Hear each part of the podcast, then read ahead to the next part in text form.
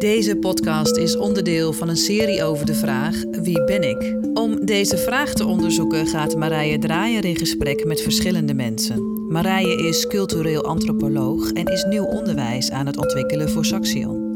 En de vraag Wie ben ik? heeft dat sterk te maken met het eigen wereldbeeld. Daarover gaan we in gesprek met Lars Lanke. Hij is boeddhist en docent bij Saxion. Um, als jij nadenkt over de vraag wie ben ik, wat heeft het dan volgens jou met wereldbeeld te maken? Nu ik daarover nadacht, kwamen uh, toch wel jeugdherinneringen op. Waarbij ik voor mezelf voor het eerst die vraag stelde. als ik denk aan het woord wereldbeeld, dan komt bij mij gewoon de vraag op eerst: wat is de wereld? Toen ik tien jaar oud was, waren we op vakantie in Zwitserland. En ik zat zo nog naar die bergen te kijken. En in één keer werd ik heel rustig. En ik zag dat berglandschap voor me. En toen had ik zo'n gevoel van verwondering. Gewoon überhaupt heel existentieel over het feit dat de wereld er is. Gewoon dat ik hier ben, dus zelf. Mhm. En dat de wereld zich voor mij bevindt. En dat ik dat eigenlijk tot dan toe altijd voor granted had genomen. Ja, ik leefde gewoon. Gewoon deed dingen. Nagedacht. Nee, niet bewust van geworden. Dus nog niet eens zo over nadenken, maar gewoon bewust worden van het feit dat er überhaupt dat jij er bent, dat je bestaat en dat de wereld er is. Dus eigenlijk nog existentiëler dan hoe zit het in elkaar, wat wil ik ermee doen, wat is een goede wereld, wat is een slechte wereld, hoe wil ik mhm. mezelf ontwikkelen, wat is mijn persoonlijkheid, komt eigenlijk na de constatering van het feit dat je er überhaupt bent. Ja. Wat mij een gevoel van verwondering gaf. Dus dat was eigenlijk de eerste keer dat ik met ja, wereldbeeld en zelfbeeld bezig was. Maar dat was heel erg aan elkaar gekoppeld. Dus ik had eigenlijk twee vragen van wat is de wereld en wie ben ik of wat is mijn geest? Daar ging je toen al mee aan de slag? Ja, het was eerst meer ervaring. Dus ik zei net dus niet dat ik daarover na ging denken. Dus ik heb dat ook weer losgelaten. Ik ben vervolgens ook weer in de onbewuste manier van leven gedoken en lekker verder gespeeld. Maar ik zocht die ervaring wel op. Ik had laatst met studenten uh, in de Mind Spirit, waar ik uh, les in geef, daar had ik, uh, had ik het erover. Zei ik, het is wel gek dat je sommige momenten de rest van je leven onthoudt. De meeste momenten ben ik helemaal kwijt.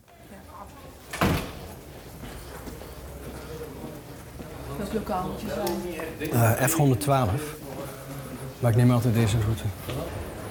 Hi. Ja, we zijn nog niet begonnen hoor. Dus. En, en, ook de vraag wat is de wereld werd voor mij daardoor een levende vraag en niet een, een filosofische vraag. Mhm. Ehm, ja, dus dat is hoe ik daar als eerste mee ben begonnen. En toen ik 14 was, toen kwam het, werd het nog bewuster. Hè? Zo had ik meer van dat soort momenten. Ik probeerde ze wel eens te, uh, ja, opnieuw te beleven. Mm Dan zat ik soms in de auto, gingen we naar mijn opa en oma als kind. Op de terugweg keek ik naar de boomtoppen. En dan concentreerde ik me ook op de aanwezigheid van die bomen. Dus ik keek er gewoon naar. Mhm. Maar ik dacht er niet over na. Ik had wel een gedachte of een vraag in mijn hoofd. Hè, van wat is dit? Of, wat is de werkelijkheid? Wat zie ik nou? Wie ben ik? Maar dat was dan heel even. Ik zat meer met mijn aandacht in de ervaring zelf. Dat ik op die manier probeerde te begrijpen of te vatten ehm, ja, wat de werkelijkheid of het leven eigenlijk is. Mhm. En dat was eigenlijk altijd een positief gevoel. Ja, en toen kwam er ook een, een wat onaangename gevoel of eerder confrontatie met existentiële vragen. Werd het eerder dan je verwonderen over het leven. En uh, toen ging me dat gewoon nog indringender afvragen. Maar er kwam ook een vraag bij van wat is geluk? Mhm. Als kind was ik meestal gelukkig. Maar tegen die tijd niet meer. Dus ik vroeg me ook af, wat is nou blijvend geluk? voor mijn gevoel hingen die drie vragen met elkaar samen. Dus wie ben ik? Wat is mijn geest? Wat is de wereld? En wat is echt blijvend geluk? Mhm. Want ik merkte dat vergankelijkheid toch roet in het eten gooide. Mhm. Plus nog allerlei andere dingen, maar dat viel mij het meest op. Van ik ben wel eens gelukkig, maar het gaat gewoon weer voorbij. Ja. En ik ben eerlijk gezegd vaker neutraal of minder gelukkig, op zoek naar geluk, dan dat ik daadwerkelijk echt gelukkig ben. Dus zo'n herinnering uit mijn jeugd, dat ik merk alleen zitten op een stoel en kijken naar wat zich op dat moment voor mij bevindt, dat was een van mijn diepste, meest gelukkige ervaringen. En wat filosofen dan verschil maken tussen genot, plezier en echt geluk. Ja. Als je het hebt over wereldbeelden, ja.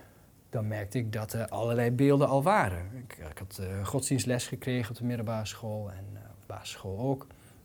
Ik wist van politieke partijen en dat er allerlei visies waren op de wereld en de mens. Psychologie, wetenschap.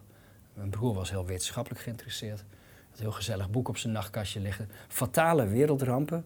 Met, ik weet niet, een stuk of tien manieren hoe de wereld Zou zal vergaan. kunnen vergaan. En, maar dat hij vergaat, weten we wel. Ja. Nou, dat, dat was dan eh, waarmee we dan... We sliepen samen op één kamer, waarmee hij mij in slaap praten. Oh, ja. En dat- zie je dat voor. ja. ja, dus ik had ook dat wetenschappelijke wereldbeeld. Ja. Materialistisch wereldbeeld. is niks anders dan atomen, materie. Jij bent jouw brein. Als jij vergaat, verga jij. En dat was eigenlijk ook een nieuwe vraag die bij mij opkwam. Ik ben me bewust van mijn aanwezigheid nu. Mhm. Maar daarmee, ik kon ook vooruitdenken. En door dat soort gesprekken had ik ook het beeld gekregen, ja, maar dat houdt ook een keer op. ja, dat is ook eindig eigenlijk. Dat is eindig, ja. Dus ook de vraag van wat is, wie ben ik, wat is mijn geest, Mhm. zat voor mij ook de vraag in, of die komt er achteraan, van wat gebeurt er na de dood? Gebeurt er iets? Ja. Eh, zo ja, wat dan? Ja. Of gewoon niks? Ja, dus ik ging daar eigenlijk, in de boeken do- dook ik om daar antwoorden op te vinden. Dus ik had twee strategieën. De ene was in de tuin zitten, in de achtertuin. Helaas dan niet voor mooie berg, maar gewoon voor een Nederlandse achtertuin. En eh, daar kijken naar de wereld om erachter te komen wat de wereld of het bestaan eigenlijk is. En de andere was op mijn zolderkamertje alle boeken die ik kon lenen uit de bibliotheek gaan lezen. En dus, dus zag ik allerlei visies, diverse wereldbeelden, diverse mensbeelden, religieuze, verschillende godsdiensten. Maar ik had toen ik 14 was, dus ik was eigenlijk bezig met wat gebeurt er na de dood. Ja. Wat is bewustzijn? Dat was ook echt een van de focuspunten. En toen ik 14 was, heb ik eh, door een ongeluk zelf een bijna doodervaring gehad. Eigenlijk als je al die ervaringen leest, dan Ja. doemt daar zeg maar een bepaald beeld uit op. En dat was niet het- hetzelfde wat de traditionele religies zeiden. En het was zeker niet hetzelfde wat de wetenschap zei. Het was weer een eigen, ja, je zou eigenlijk kunnen zeggen, vormde voor mij een soort referentiekader wel. Omdat ik Ja. zelf zo'n ervaring heb gehad. Ja. Betekent niet dat ik ze allemaal geloof en helemaal van overtuigd ben dat er leven na de dood is. Ik blijf zo ja, die vragen open benaderen. Maar het bracht, zette me wel op een ander spoor. Dus ik ging daar ook boeken over lezen. Ja. Dus ik las religieuze boeken, ik las bijna doodliteratuur en wetenschappelijke boeken daarover. En die, maar die, die ervaring heeft jou denk ik ook heel erg gevormd in hoe jij naar de wereld kijkt. De bijna doodervaring. Ja. Kijk, ik heb e- ooit gelezen over een, volgens mij, het was ergens een hoogleraar en ik parafraseer nu. Ehm, en hem werd gevraagd of hij in een leven na de dood gelooft. En hij zei zoiets, ik weet niet meer welke dagen, maar hij zei op maandag, woensdag en donderdag wel. Maar op dinsdag, vrijdag, zaterdag en zondag niet. En dat heb ik toch ook heel veel, heel veel gehad. Dat Ja. ik eh, heen en weer ging.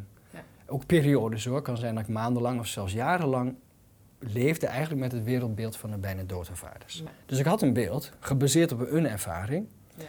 Ehm, maar daartegenover ging ik twijfelen. Ja, maar de wetenschappers zijn ook niet gek. En als je neurowetenschapper bent en je gaat je eens verdiepen in dat onderzoek. Want ik ging niet alleen aan het kamp, in het kamp van de gelovigen zitten. Dit debat is heel erg gepolariseerd. En als je bijna doodervaringen gewoon maar heel veel leest, Mhm. dan blijf je ook lekker in die comfortzone van, oh gelukkig, Ja. we gaan niet dood. En dat is een heel positief En wereldbeeld. we vinden alles hetzelfde. Ja, uiteindelijk is alles één en alle religies hebben dezelfde kern. Dus dat is best een, eh, zou je kunnen scharen onder het kopje nieuwe spiritualiteit. Ja. Een wereldbeeld dat vrij optimistisch, heel positief mensbeeld heeft. Niet oordelend. Mhm. Alles is zinvol, want overal zit er les in. Nou, Ja. eh, dat plaatje, en dat is heel eh, geruststellend. Maar omdat ik, ja, als je het hebt over wereldbeeld en, en persoonlijkheid, hoe dat samenhangt. Ik ben bijvoorbeeld heel open-minded. Ja. Als ik kijk naar de Big Five persoonlijkheidskenmerken, scoor ik heel hoog Ja. op open-mindedness. En iemand die open-minded is, wil ook weten wat de anderen denken. Dus Ja. ik ging ook de atheïstische literatuur lezen. Ook Richard Dawkins en echt felle atheïsten. Ja. Dus ik stond helemaal open voor de verhalen van bijna doodervaarders. Ik was ook veel met boeddhisme bezig. Daar kom ik zo nog wel op. En, eh, en ik maar bestudeerde ook de, de tegenstemmen. En ik was echt geïnteresseerd in wat die allemaal te zeggen hadden. Mhm. Maar dat zorgt natuurlijk wel voor dat je niet lekker kunt gaan zitten. Nou, zo zit het. Zo is dit het. is mijn wereldbeeld, dit is mijn zelfbeeld. Hè? Zo zit ik in elkaar. Ja. Ehm, ja, dus je kunt niet echt settelen voor een bepaald beeld. Nee, dus je defi- het definieert je wel dan ook heel erg in wie je bent. Ja, je gaat je identificeren met jouw wereldbeeld. Ja. Dus daar zijn ze al niet van elkaar te scheiden. Hè? Nee, En je kunt zeggen, ik ben een wetenschapper. Nou, dan weet je waarschijnlijk al, hoogstwaarschijnlijk wat hij denkt over bijna doodervaring. Of die wel of niet gebaseerd zijn op hallucinaties of een echt leven na de dood. Dus Ja. kun je wel aardig met een grote slagingskans gokken. Ja. Dat hij daar dan niet in gelooft. Enkele wetenschappers wel, maar dat is een hele kleine minderheid. Dus jouw wereldbeeld is heel erg ook ja, wie jij bent. Ik Ja. ben een wetenschapper, ik, ik ben een boeddhist, ik ben een eh, christen. Mhm. En, eh, en dan merk ik, dat ga je identificeren met een wereldbeeld. Dan adopteer je dat dus als jouw identiteit. Ja. Eh, maar ja, ik ben daar niet zo goed in. Ik, doe dat, ik hou het niet heel lang vol, omdat ik te nieuwsgierig ben. Dat is dan weer mijn persoonlijkheid, die mijn wereldbeelden beïnvloedt, die ervoor zorgt dat ik elke keer nieuwe antwoorden zoek. Ja. Dat het meer een zoektocht wordt. En, ja, en dat kan ook een settling zijn. Eh, dus dat je niet settelt in een bepaald wereldbeeld. En dus ik vroeg me ook gewoon af, welke is nou waar? Ja. En welke maakt me meest gelukkig? Maar welke is waar, vond ik belangrijker. Er zijn veel mensen die willen gewoon iets wat hun geruststelt. Of gewoon duidelijkheid. Hè? Ook een atheïstisch beeld kan ook iets zijn, dat is misschien niet leuk, maar het is in ieder geval duidelijk. Zo is Kun je ook aan vastklampen. Mhm. Zo is het. En de toekomst, eh, die doodervaringen kunnen we nog niet helemaal verklaren. Maar het wordt wel bewezen dat het allemaal eh, hallucinaties in de toekomst. Dat is mooi en dan heb je altijd gelijk als je zo redeneert. Ja, dus het is een beetje een soort ook, het schept dan ook een soort van zekerheid eigenlijk. Hè? Dus ja, hou vast. bestaanszekerheid Ja. op die manier te definiëren. Zo Ja. is het en zo zal het gaan. Dus, en betekent dat dan ook iets voor je gedrag? Hangt dat daar ook mee samen? Van wat je dan doet? Hoe bedoel je? Nou, als ik, denk, als ik bedenk, mijn wereld zit op een bepaalde Ja. manier in elkaar en dat, daarvan ben ik overtuigd, Ja. betekent dat dan ook iets voor mijn handelen? Dus Ja. hoe ik doe. Ja, als je kijkt naar sociale beroepen, dan kun je, hoeft niet, hangt ook weer van je persoonlijkheid af, hoe je daarmee omgaat. Maar eh, in botsing komen met mensen die anders denken. Mhm, Als jij een bepaalde grens om jezelf heen trekt en dit is waar, dat is niet waar, mhm. ja, dan zul je van mening verschillen. Ja. Eh, en dat kan botsen, het kan ook gewoon een gesprek zijn, hopelijk. eh, of het Mhm. wordt een discussie, kan ook. Of het wordt oorlog. Die dingen gebeuren, hè. Mensen Ja. gaan van eh ene naar, soms naar andere extremen toe. En als het niet zo extreem is, maar gewoon in je dagelijks leven, zeg maar. Ja. Dus op je werk en thuis. En, Ja, dan heeft het ook wel een functie. Hè. Het geeft ook wel houvast. Dus ik, ik heb ook wel een wereldbeeld, alleen hij is wat losser. ja. En ik heb bepaalde aannames, maar ik weet gewoon heel weinig zeker. En wat is dan het wereldbeeld volgens Lars? Wat is de wereld? ja. Dan zou mijn antwoord zijn: de wereld is dat wij hier op een stoel zitten aan een tafel. Jij zit tegenover mij. En dat is het. Dat is op dit moment mijn wereld. Ja. En dat is meer echt vanuit de ervaring bekeken. Ik weet heus wel, ik heb een eh, rooster dat ik straks naar een ander lokaal moet. Dus Mhm. eh, niet al te letterlijk opvatten. Ehm, maar dat was voor mij op dat moment, dacht ik, dat is het enige wat ik zeker weet, is dat ik er ben. Ja. Dat mijn bewustzijn er is. Ja. Maar wat het precies is, wat in de toekomst mee gaat gebeuren, ja, dat weet ik allemaal niet zeker. Ik weet alleen dat ik er nu ben. En tijdens het college geeft Lars nog een mooi voorbeeld van een wereldbeeld van Bernie Glassman. Want hij keek dus om zich heen. En omdat hij zich één voelde met iedereen, zag hij de zwervers lopen. Hij zag de, eh, de, de rijke mensen misschien een beetje arrogant langs die zwerver lopen. Maar hij zag, en hij zegt letterlijk, ik zag de hongerige geesten. Een hongerige geest is een symboliek die in het boeddhisme wordt gebruikt. Ja, veel Aziaten nemen het letterlijk, maar de meeste westerse boeddhisten zien het als symbolisch. Een hongerige geest is een staat van zijn waarin, en er wordt eh, in de mythologie afgebeeld met een, een geest natuurlijk, met een heel klein mondje, een hele nauwe keel en een hele grote lege maag. Dus die heeft altijd honger. Maar omdat zijn mond en keel zo klein zijn, kan er bijna niks naar binnen. Krijgt hij eten niet naar binnen. Nou, dat is eigenlijk een heel mooi symbool voor onze onbevredigbare verlangens. Hè. We kunnen bevrediging, maar een volgende moment, of ah, hooguit een uur later, willen we alweer iets anders. Hè. We hebben lekker gegeten en dan willen we slapen. En we worden wakker, willen we misschien nog wat langer slapen. En we gaan naar school, want we willen een opleiding. Maar als we op school zijn, dan willen we niet opletten. We willen eigenlijk op Facebook kijken of op onze mobiel. Tenminste, zie ik soms hier. Dus je zou kunnen zeggen dat al mijn theorieën die ik had verzameld in de tussenliggende jaren ook beelden waren, wereldbeelden. Ja. Maar dat is iets anders dan de werkelijkheid zelf die ik op dat moment voor mij zag. De- Ja. Die bood mij zekerheid. Dat was de vaste grond waar ik op kon staan. Het, het hier en nu, zeg maar. Mhm. Even een beetje populaire spirituele taal. Het hier en nu, het moment. Dat is er. En eh, ik ben daar met mijn bewustzijn. En ehm, dat is niet een beeld, het is een ervaring. Ja. Dat vind ik iets anders dan een beeld. En hetzelfde geldt voor mensen. Ik kan zeggen, ik kom een katholiek tegen, dan heb ik al een bepaald beeld. Of ik ontmoet iemand met een open blik, zo open mogelijk. Mhm. En eh, dat werd voor mij wel een, een belangrijke manier. En ik had ook wel meer eh, ervaringen. Kijk, toen ik in de achtertuin zat, zo rond mijn 14e, 15e, ehm, dan ging ik ook echt, het werd een soort praktijk. Hè? Ik had nog nooit iets over meditatie of mindfulness gelezen, maar ik ging gewoon, als ik, mij, als ik het echt niet meer wist, ging ik gewoon in de tuin zitten en dan keek ik. En dan was ik stil, ik dacht niet heel veel na. Ik keek gewoon naar de wereld. Als ik wil weten wat de realiteit is, dan kan ik het beste maar kijken met aandacht en, en voelen en luisteren.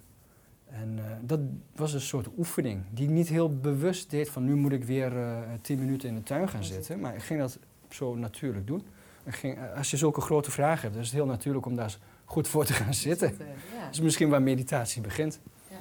Ja. En op die manier was ik daarmee bezig. En ik had één moment, als, je, als ik dan terugkom op wat ik in het begin zei, dat zelfbeeld en wereldbeeld niet te scheiden zijn. Mm Dat kwam meer vanuit de ervaring dat ik in de achtertuin zat en ik zat dus met die vraag, hè, wat is de wereld, wat is mijn geest? Um, ik, ik, herhaalde die vragen niet de hele tijd, maar ik, ik, zat vanuit die vraag. Ik vroeg het me echt af en ik stelde gewoon mijn aandacht open. En op een gegeven moment, terwijl ik helemaal niet nadacht, hoorde ik in één keer het geluid van een vogel.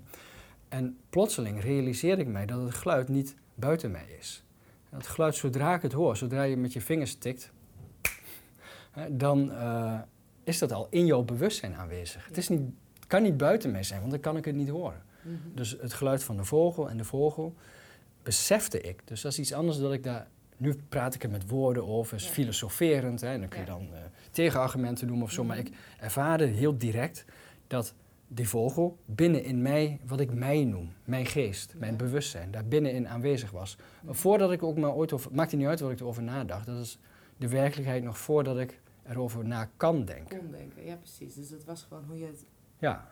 Je realiseerde je dat op dat moment. Ja, en er was geen afstand. Dus er was geen verschil meer tussen de wereld, mhm. hè, de bomen, de vogels, uh, de geluiden en uh, mijn eigen bewustzijn. Dus mijzelf en de wereld waren twee kanten van dezelfde medaille, zou je kunnen zeggen. Mm ja, en en die, die ervaring, dat, dat soort ervaringen vind ik uiteindelijk veel sterker en overtuigender dan al die theorieën die ik had gelezen. Dus ik ben uiteindelijk. Ehm, ja, wat, waarom ook? Want als ik dan de, de vraag wat is echt geluk erbij haal, dan merkte ik als ik zo die ervaring had, want dan denk je, ja, zo wat, oké, een vogel is in jouw bewustzijn, gefeliciteerd. Scheidt hij ook in jouw bewustzijn dan? Hè? kun je heel sceptisch naar kijken. Ehm, maar dat was wel een, weer zo'n moment wat ik de rest van mijn leven kraakhelder onthoud. Ja. Dus net als, zo, als ik eh, als kind naar de bergen zat te kijken, denk dat zijn de diepste momenten. En dat was ook het meest diepe, verstilde geluk. Ja. Uh, dus als ik kijk naar welk wereldbeeld maakt mij nou het meest gelukkig, ja, het wereldbeeld waarin mijn zelfbeeld, mijn wereldbeeld uh, één zijn. Ja. Waarin uh, wat ik waarneem niet iets anders is dan ik. Dus ja. blijkbaar was dat die ervaring, in, in zen-boeddhisme noemen ze dat een soort ja, ik, ik, ik parafraseer nu ook weer lekker vrij, uh, spiegelbewustzijn. Hè. Stel je ziet jouw bewustzijn als een spiegel en die mhm. reflecteert alles wat er komt. Mhm. Dan zeggen ze, jouw geest is eigenlijk van oorsprong mhm. ehm, als een soort spiegel. Alles wat voorbij komt, wordt gereflecteerd in de spiegel van jouw gewaarzijn. Awareness in het Engels vind ik eigenlijk nogal een, een beter woord. Want wij associëren de geest ook met drukke denken.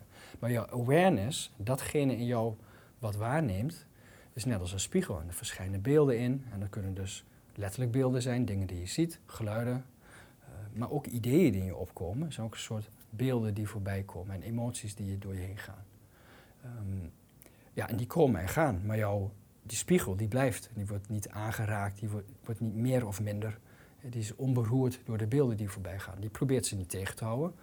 Kan ze niet vasthouden, probeert het ook niet. Die reflecteert alleen wat op dat moment verschijnt. Mm -hmm. En dat is een soort filosofische uitleg met behulp van een metafoor van de ervaring die ik had toen ik die merkte dat die vogel in mij was, in mijn bewustzijn, mhm. niet buiten mij. Dat de wereld en mijn, de verschijnselen in de wereld, wat wij de wereld noemen, bomen, huizen, mensen, situaties, het weer, alles, uh, dat dat net als weerspiegelingen zijn op de oppervlakte van de spiegel. En de beelden in een spiegel zijn niet gescheiden van de spiegel zelf. Maar ze gaan wel voorbij. Er is wel een, in die zin een verschil dat die beelden weer voorbij trekken. En dat open bewustzijn mhm. meer fundamenteel is, vanuit mijn ervaring bekeken, dan uh, meer fundamenteel dan de verschijnselen die opkomen, inclusief mijn emoties en gedachten. Dus samengevat is jouw bewustzijn meer een spiegel. Een spiegel die constant is. Het is de awareness zelf de spiegel waarop de dagelijkse dingen verschijnen, langskomen. En zou dat betekenen dat wij dan nu ook één zijn? Ja, in principe wel, ja.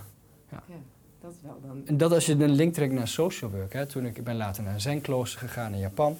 En toen vroeg ook mijn uh, zenmeester van hoe kan ik het beste het boeddhisme, de hele boeddhistische leer, hè, allerlei theorieën en uh, praktijken, uh, verenigen met mijn social work. En dat was één heel simpel advies. Wees één met degene die voor jou zit. Dat is echte hulpverlening. Ja. En dat vind ik toch iets anders dan empathie. Ja. Zo'n technische term. Of je inleven. En dat is ook heel iets anders dan wat ik leerde in het eerste jaar van de opleiding. De balans tussen afstand en nabijheid. Dat deed helemaal niet aan, want er was geen afstand. Nee. Dus, dus je hoeft niet te balanceren op een soort evenwichts balancing act. Alsof je over zo'n zo'n zo'n lijn lo- loopt als evenwichtskunstenaar. Van eh, nu een beetje meer afstand, een beetje meer eh, nabijheid. En dan bestaat, daar dan, ook, dan bestaat er ook niet zoiets als je professionele identiteit eigenlijk. Hè? Dus wie je bent in je werk eh, en je persoonlijke identiteit. Daar maak je dan ook geen onderscheid meer toe. Nou, het hele begrip identiteit is weg. Dus het komt helemaal niet aan de orde. Ja. Je bent daar. Ja. En het leven is daar. En dan zijn die hele twee begrippen, zoals zelfbeeld, wereldbeeld, zijn gewoon twee woorden. Ja. Zijn gewoon twee van die beeldjes die even door de spiegel gaan en daarna weer weggaan. En dat is het al. Ja. Ja. En dus dat soort ervaringen vond ik eigenlijk veel bevredigendere antwoorden dan de antwoorden in woorden, Mhm. of boeken, of ideeën. En ik, ja, ik denk niet dat er bij jou bijvoorbeeld op de afdeling social work, waar jij eh, docent bent, veel mensen zijn die datzelfde wereldbeeld hebben, die dat delen met jou? Denk je van, Nou, er zijn er wel wat, maar onder, onder de radar zijn er wel mensen die daar wel zo naar kijken. En Ja. ik vind het zelf ook belangrijk dat je daar niet dogmatisch mee omgaat. Dus ik zie dat niet als, ik zie het als mijn fundamentele manier van hoe ik naar de wereld kijk, naar de werkelijkheid, naar mijzelf. En dat dat Mhm. dus niet gescheiden is. Ehm, maar ik, kan, ik, ik schakel nog regelmatig over op bijvoorbeeld de rationele modus van de wetenschappen. ja, Dus ik- want daar, dat is meer dan misschien in jouw omgeving, de modus? Of ook niet? Ja, nou goed, als je kijkt naar evidence-based werken, wat we op Ja. de Academie Social Work willen, ja. En ik vind dat, onderschrijf ik ook van harte, vind ik ook belangrijk. Alleen Ja. ik denk voor jouw eigen geluk, eh, vrede, eh, innerlijke vrede en zekerheid, dat als je alleen dat hebt, dan wordt het heel onrustig. En ik zie het ook veel aan mensen. eh, ik ken ook veel wetenschappers. En niet dat die allemaal ongelukkige mensen zijn, die hebben ook een persoonlijke leven. Mhm. Een andere manier van zijn. Maar je kunt zo in je hoofd gaan zitten Mhm. met al het gedenken, die ene rusteloze gedachte naar de andere. En je, ja, alle discussies en die ego wat er ook bij meespeelt. Mhm. Ja, daar worden mensen vaak niet rustiger van. Ja. Als ik kijk naar filosofie, ben ik heel bewust niet gaan studeren. Ik denk, ik denk al genoeg na. Ik zit al genoeg in mijn hoofd. Ik wil dat nog niet erger maken. Ik heb ook een promotie, als je kijkt naar loopbaan, Mhm. ehm, aan de wil gegangen. Ik had een promotievoorstel geschreven. En ik vroeg me ook af, van, wil ik dit echt? Toen liep ik in het eh, bos. En toen merkte ik, nee. Want ik begin al, ik had net mijn sc- masterscriptie geschreven. En ik dacht, ik zit zoveel in mijn hoofd. Ik ben allemaal zinnetjes aan het bedenken. Die ik straks, als ik terug ben en achter de computer zit, weer daarop kan schrijven. En ik, 90% van de tijd zie ik dat hele bos om me heen niet. En dat is jammer, want het echte leven mis ik. Ja. Ik ben helemaal niet meer in de realiteit. Ik zit in mijn gedachtenballon Ja. in mijn hoofd. Allemaal, en dat voelde heel onprettig. En dat merk je ook fysiek. Ja. Ik kreeg last van mijn hoofd, eh, koude handen, een beetje gespannen schouders. En als ik dat dus losliet en ik keek gewoon, ik reflecteerde weer met je awareness, zeg maar gewoon. Ik kijk naar de boom en ik kijk gewoon naar de boom, dat, de aanwezigheid Ja. van de boom. En ik denk er verder niet over na. Ik voel me hartstikke open, warm, gelukkig, vrij. Ja. Dacht ik, wat wil je nog meer? Is genoeg. Ja, dus eh, je ziet ook, dus eigenlijk in jouw dagelijks le- leven, in wat je doet, beïnvloedt het ook jou heel erg Ja, in je gedrag ja, eigenlijk, je, je overtuiging. Ja, de keuzes die je maakt in je leven, wat ik net noemde. Mhm. Uh, maar het is ook een hele andere manier om te zijn. Voor mij is dat de meest uh, gelukkige manier om er te zijn. Ja. En ik denk dat dat, um, hadden we het, hebben we het ook een keer over gehad, of dat dat de kern is van waar mind mindfulness eigenlijk volgens mij over gaat. En dat dat is waarom het misschien ook populair is, ook al is iedereen zich, niet iedereen zich daar bewust van. Mhm. Dat het veel meer in contact is met het leven, direct in contact staan. Hè? Alleen maar voelen wat je voelt en ruiken wat je ruikt en dingen die je ziet, heel bewust waarnemen zonder dat onderscheid. Mhm. Dus met zo'n open en helder bewustzijn. En um, ja, ik, ik denk dat dat een manier is, als ik kijk van wat kan ik aan de wereld bijdragen, hè? Wat, Mhm. wat, zijn mijn, wat zijn mijn ervaringen, wat is mijn kennis, wat heb ik te bieden, Ja. dat dat het meest waardevolle is. Ja. En de theorielessen, de hoorcolleges die ik hartstikke leuk vind om te geven, die doe ik ook. Ja. maar dat is plan B. Ja, Keuzemenu. Dat ernaast. Voor de, een beetje de hobby ernaast. maar dat is niet essentieel, Nee. vind ik. Kun je doen. Nou, Maar is moet wel niet. interessant dat je dat zegt, want we hebben het natuurlijk ook in een andere podcast over Ikigai gehad. En daarin gaat het over, hè, wat is dan je, je purpose of wat heb ik bij te dragen aan de wereld. Mhm. Dus dat hangt voor jou ehm, dan ook heel erg samen met jouw wereldbeeld eigenlijk. Ehm, nou ja, ik denk, dit hangt heel erg samen met eh, wat een beetje Ja, populair gezegd bij jezelf blijven wordt genoemd. Hè. Mm. Ken jezelf, eh, blijf bij jezelf. Eh, maar ik zie dat meer op de manier die ik net zag. Dat je meer in contact blijft of vanuit dat funda- meer fundamentele bewustzijn Mhm. leeft. En dan heel concreet, hè, als, dat je op die manier waarneemt en Mhm. in de wereld staat. Ehm, en ik noem dat fundamenteel, omdat dat is datgene wat je nooit kwijt kunt raken. Kijk, mijn meningen kunnen verschillen, mijn wereldbeelden die variëren, maar ik kan niet buiten mijn eigen geest of mijn eigen bewustzijn gaan. Dat kan niet. Nee, dus eigenlijk zeg je, de, eh, alles is dynamisch Ja. omheen. Dus zelfs mijn wereldbeeld Ja. is ook dynamisch. Maar, en misschien, maar wie jij bent of jouw geest, Ja. dat is niet Ja, datgene wat al die dynamische dingen waarneemt, Ja. komt en gaat zelf niet. Nee. Dus ik kan door de wereld lopen en bewegen, maar ik kan nooit uit mijn eigen geest lopen. Ja, tuurlijk kan dat niet. Nee. Eh, maar het geeft wel aan dat dat dus het meest fundamentele is. Ja. En als ik kijk naar hoe ik dat dagelijks doe, heel Mhm. concreet en praktisch, dan moet je er tijd voor nemen, want je raakt dat makkelijk kwijt. Je bent zo op de buitenwereld gericht, en de eisen van de omgeving en, Ja. En je verlangens ook, want je wilt dingen in die wereld bereiken. En je wilt misschien wil je wel naar een bepaald land toe. Hè? Mhm. Je kunt er niet uit je eigen geest lopen, maar je kunt wel uit Nederland lopen en naar een ander land gaan of naar een andere baan, andere situatie, andere partner, andere Mhm. opleiding. Eh, zo zijn we heel veel met die buitenwereld bezig. Wat in de wereld gebeurt, dat je gewoon helemaal niet bewust bent van degene of datgene in jou die dat allemaal doet. Mhm. Eh, Die dat stuurt. wie je zelf bent, Ja. wie jouw echte ik is, wie daarachter zit. Mhm. En ik denk dat het belangrijk is om er elke moment, eh, elke dag een moment, nou niet een moment, periodes voor vrij te maken. Ja. Dus ik dat praktisch doe, is 's ochtends mediteren, maar soms ook gewoon wandelen in het bos. En ik denk dat je dan anders op je werk omgaat, en dat is ook gewoon heel praktisch stressverlagend natuurlijk. Hè? Als je de wereld loslaat en je loopt alleen in het bos en je Mhm. kijkt alleen maar naar de bomen, dan is er alleen dat, valt alles van je af, dat is een hele opluchting. Als je dan naar je werk gaat, dan ga je heel anders met mensen om, maak je andere keuzes. Omdat je de spiegel weer helder hebt gemaakt. Ja, voor je dag eigenlijk. Ja, Dat is wel mooi, want ik heb even op jouw website eh, zitten kijken. En daar staat het allerbelangrijkste is om te ontdekken wat het allerbelangrijkste is. ja, en daar kom je alleen achter als je even stilstaat. Ja. En dat is ook niet heel ingewikkeld of heel filosofisch. Eigenlijk alles wat ik nu heb verteld zou je dan graag moeten vergeten. Mhm. En gewoon opnieuw in dat moment kijken waar je bent. Wat is dit? Dus als, als je alleen al die vraag onthoudt en hem vanuit jouw ervaring stelt, hè, dus met je ervaring, met je zintuigen, met je ogen, je oren, eh, je gevoel van je lichaam, je tastzin. Als je daarmee waarneemt wat dit is, dit leven, wat we dan abstraheren als wereld, ik, zelf, geest, bewustzijn, maar dat direct waarneemt, dan kom je erachter wat belangrijk is. Er was een zenmeester in Korea die vroeg mensen wat, ehm, als ze, ze wil achter wil laten komen wat echt het allerbelangrijkste is. Zei stel dat hier dat er iemand komt, eh, ik verander het verhaal een klein beetje. Er komt een alien met een eh, hele speciale alien gun en die, kan, die heeft er twee instellingen op. Hij kan jouw eh, lichaam wegschieten, maar jouw geest blijft. Of hij kan jouw geest wegschieten en jouw lichaam blijft. Wat Welke kies knop dan? kies je? Ja. Nou, ik weet wel wat mensen dan kiezen. Ja. En dat geeft wel aan dat je liever een geest bent zonder een lichaam, want zonder een lichaam ben jij er niet. Ja. Eh, Dus ik vind dat contact daarmee komen. En dat bedoel ik met geest dus echt jouw basisbewustzijn. Niet Mhm. die drukke emoties die komen en gaan. Niet je gedachten. Nee, want die, die- ik heb er honderdduizenden gehad en ik kan 99% daarvan niet eens meer herinneren. Ja. Dus dat ben ik niet. Dat zijn dingen die, die kwamen, dat zijn de beelden in de spiegel. Ja. En dat noem ik het meest fundamentele. En dat vind ik bij jezelf zijn. En, en dan kom je erachter wat je misschien, ja, wat je echt wil. Ehm, maar dat komt al spontaan op. Ik, ik denk ook die, die keuzes zoals die promotie, dat ik dat toen veel te veel over ben gaan nadenken. De goede dingen die in mijn leven zijn gebeurd, die zijn op mijn pad gekomen.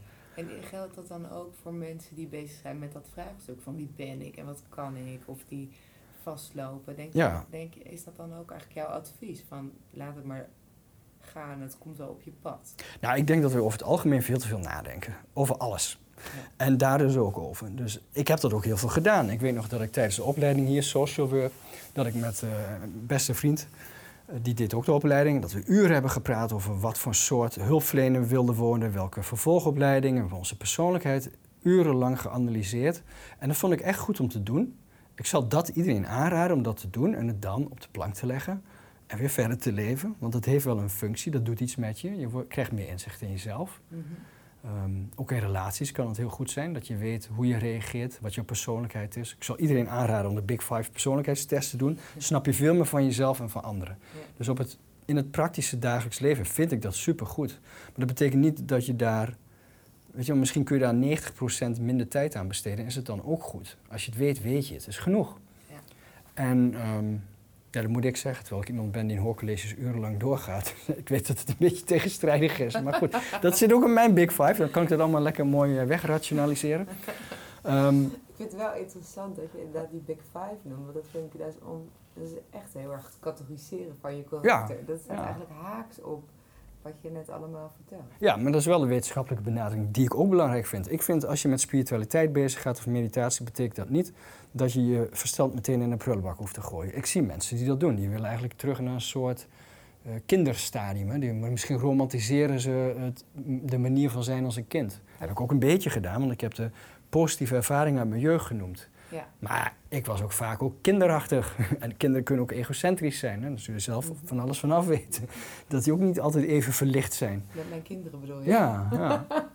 ja nee, dat klopt. Ja, en um, dus ik zou dat zeker niet idealiseren. Dat zijn allemaal aspecten van wie wij zijn. Hè? Ja. Onze intuïtie, ons gevoel, de directe ervaring. Dat zie ik wel als fundamenteel. Maar mm -hmm. daarbovenop hebben we ook nog een hoofd. Ja. Boven de onderbuik hangt ook nog ergens een uh, brein. Wat, wat je alsjeblieft moet gebruiken. Dat hebben we niet voor niks. Dat zou ik echt uh, schandalig vinden als mensen dat zouden doen. Dus doe de Big Five, ga lekker categoriseren, analyseer jezelf, stel doelen en weet dat het allemaal betrekkelijk is. En ga regelmatig weer terug naar de basis, open bewustzijn waarin je eigenlijk niet weet, maar alleen maar bent en ervaart, het leven heel direct voelt, proeft, ruikt en ziet. En, en dat zie ik wel als de basis. Van daaruit kan het zijn dat spontaan de goede ingeving in één keer opkomt. En er komen ook dingen op je pad die je helemaal niet hebt bedacht wat ik net zei, hè, de, ik uh, doe de Mind Spirit en dat is nu echt wel de belangrijkste wat ik doe. En ik vertelde laatst tegen iemand die mij al heel lang kent, die kwam ik na jaren weer tegen. Ik zei, ja, ik doe nu het werk, ik doe nu wat ik wil doen. Ze zei, oh, ik kom niet veel mensen tegen die dat zeggen. Die gewoon 100% tevreden zijn met, ik wil nog niet iets anders. Of ik ben aan het nadenken wat de volgende stap wordt in mijn carrière. -hmm. En er komt misschien wel iets anders. En contacten met de UT voor een, een, een bepaalde onderwijs. En ik, oh, misschien vind ik dat ook wel leuk. Maar denk, ik heb er heel veel over nagedacht, maar eerlijk gezegd, alle goede dingen die in mijn leven zijn gebeurd, dat waren hele andere dingen dan ik had bedacht. Die gebeurden eigenlijk allemaal onverwacht. Er komt iemand naar mij toe, wil je meer werken aan die miner? Ja, dat doe ik nu al tien jaar, is mijn belangrijkste werk. En dat is de kern van mijn loopbaan en ook van mijn zingeving ook wel. Als ik kijk, wat draag ik bij aan de maatschappij? Denk, nou, dat vind ik toch wel iets waar ik heel veel mensen iets breng. En waar ik zelf enorm van geniet. Maar ik heb het niet opgezocht. Dus zo gebeurt het dat ik leef zoals ik leef. En mensen komen me tegen en je straalt misschien enthousiasme uit over iets. En dan klik, klik, klik. Voor je het weet zit je op, in een bepaalde positie. Ja. Mm -hmm. En alle dingen die ik heb bedacht. Ik, ik wilde systeemtherapieopleiding doen. En ik had cognitieve therapie had ik bedacht. En ik had tien ideeën gehad. Maar goed, uiteindelijk liep het anders. Ik ben religiewetenschappen gaan studeren. Maar nog voordat ik was afgestudeerd, was ik de enige van de hele klas die er ook echt werk mee had. Namelijk hier die minor uh, ontwikkelen. En dat, ging zo. Ja, nou had je eigenlijk van tevoren niet kunnen ja. bedenken. Al je loopbaanplannen. Nee. Maar dat is niet, kijk, dat kun je zeggen van nou, go with the flow, het komt op je pad. Maar dat is niet heel passief, want er zijn momenten waarop je wel moet handelen. Maar als je bewustzijn helder is, als je mm. een open houding hebt, dan reageer je ook. Ja. Dus er waren momenten dat ik dacht, ook ik moet even met die praten. Of ik moet even dit zeggen. Soms ja, netwerken ook. Maar netwerken is nooit iets wat ik van tevoren ging bedenken. Maar ik dacht wel eens, ik ging de lampje branden en denk, wacht even, ik moet even noemen dat ik hiermee bezig ben. Of, dat hielp wel. Ja. Dus op gezette tijden moet je even opspringen en iets doen. Daarna kun je weer rustig zitten en kijken wat het leven je opbrengt. Ja. Dus ik denk, ben meer voor de afwisseling. Ja. En als je vastzit in één manier, hè, in jouw denken, alles vanuit je hoofd proberen te benaderen, alles analyseren en weten wat je wil, nou, dan is het net alsof je altijd in dezelfde versnelling rijdt. Nou, dat lijkt me niet zo verstandig om altijd in de vijf te hebben staan. Want dat is wel de hoogste versnelling die we hebben hoor, ons denken. Dus af en toe moet je terugschakelen of zet hem in de vrij. Ja. En dan wordt duidelijk, oké, oh, dat is de situatie, links afslaan of even remmen. Dan weet je weer wat je, wat je moet doen. eigenlijk. Ja, Dus- door, door het niet te weten even. Door even dat weten los te laten. Ja, precies. Dus het gaat meer om de afwisseling dan dat één toestand of manier de beste is. En ook niet te dogmatisch te zijn in, Nee. in Ja. alles wat je denkt en eh, doet eigenlijk dan. Nee, maar dat denk ik, eh, je kunt het altijd mis hebben. Je weet het gewoon niet zeker. En ook de meest overtuigde atheïst, ook Richard Dawkins, hij kan het mis hebben. Wie weet over 500 jaar lachen wetenschappers de huidige wetenschap hard uit om een aantal dingen die wij nu zo vanzelfsprekend vinden. Ja. Als je naar de geschiedenis kijkt, gaat het de hele tijd zo. Dat betekent niet dat ik het nu eens ben met alle theorieën en dat ik met dolfijnen praat en bomen knuffel bij maanlicht om ziektes te genezen of zo. Hè, dus ik ben wel degelijk sceptisch met dat soort dingen. Eh, maar 100% zeker weet je niet. Nee. Dus dat vind ik een soort open basishouding die ik belangrijk vind. Niet alleen voor mezelf, hoe ik leef, maar ook in, in je werk. Ja. Je kunt het altijd mis hebben. Vind ik eigenlijk wel een mooie afsluiter van dit gesprek. 100% zeker weet je het niet, ook al vind je misschien eh, hele goede antwoorden. Ja. ja. Dankjewel, uh, Lars. Graag gedaan. Wil je nog een podcast beluisteren over dit onderwerp? Er zijn er meer te vinden op video.saxion.nl.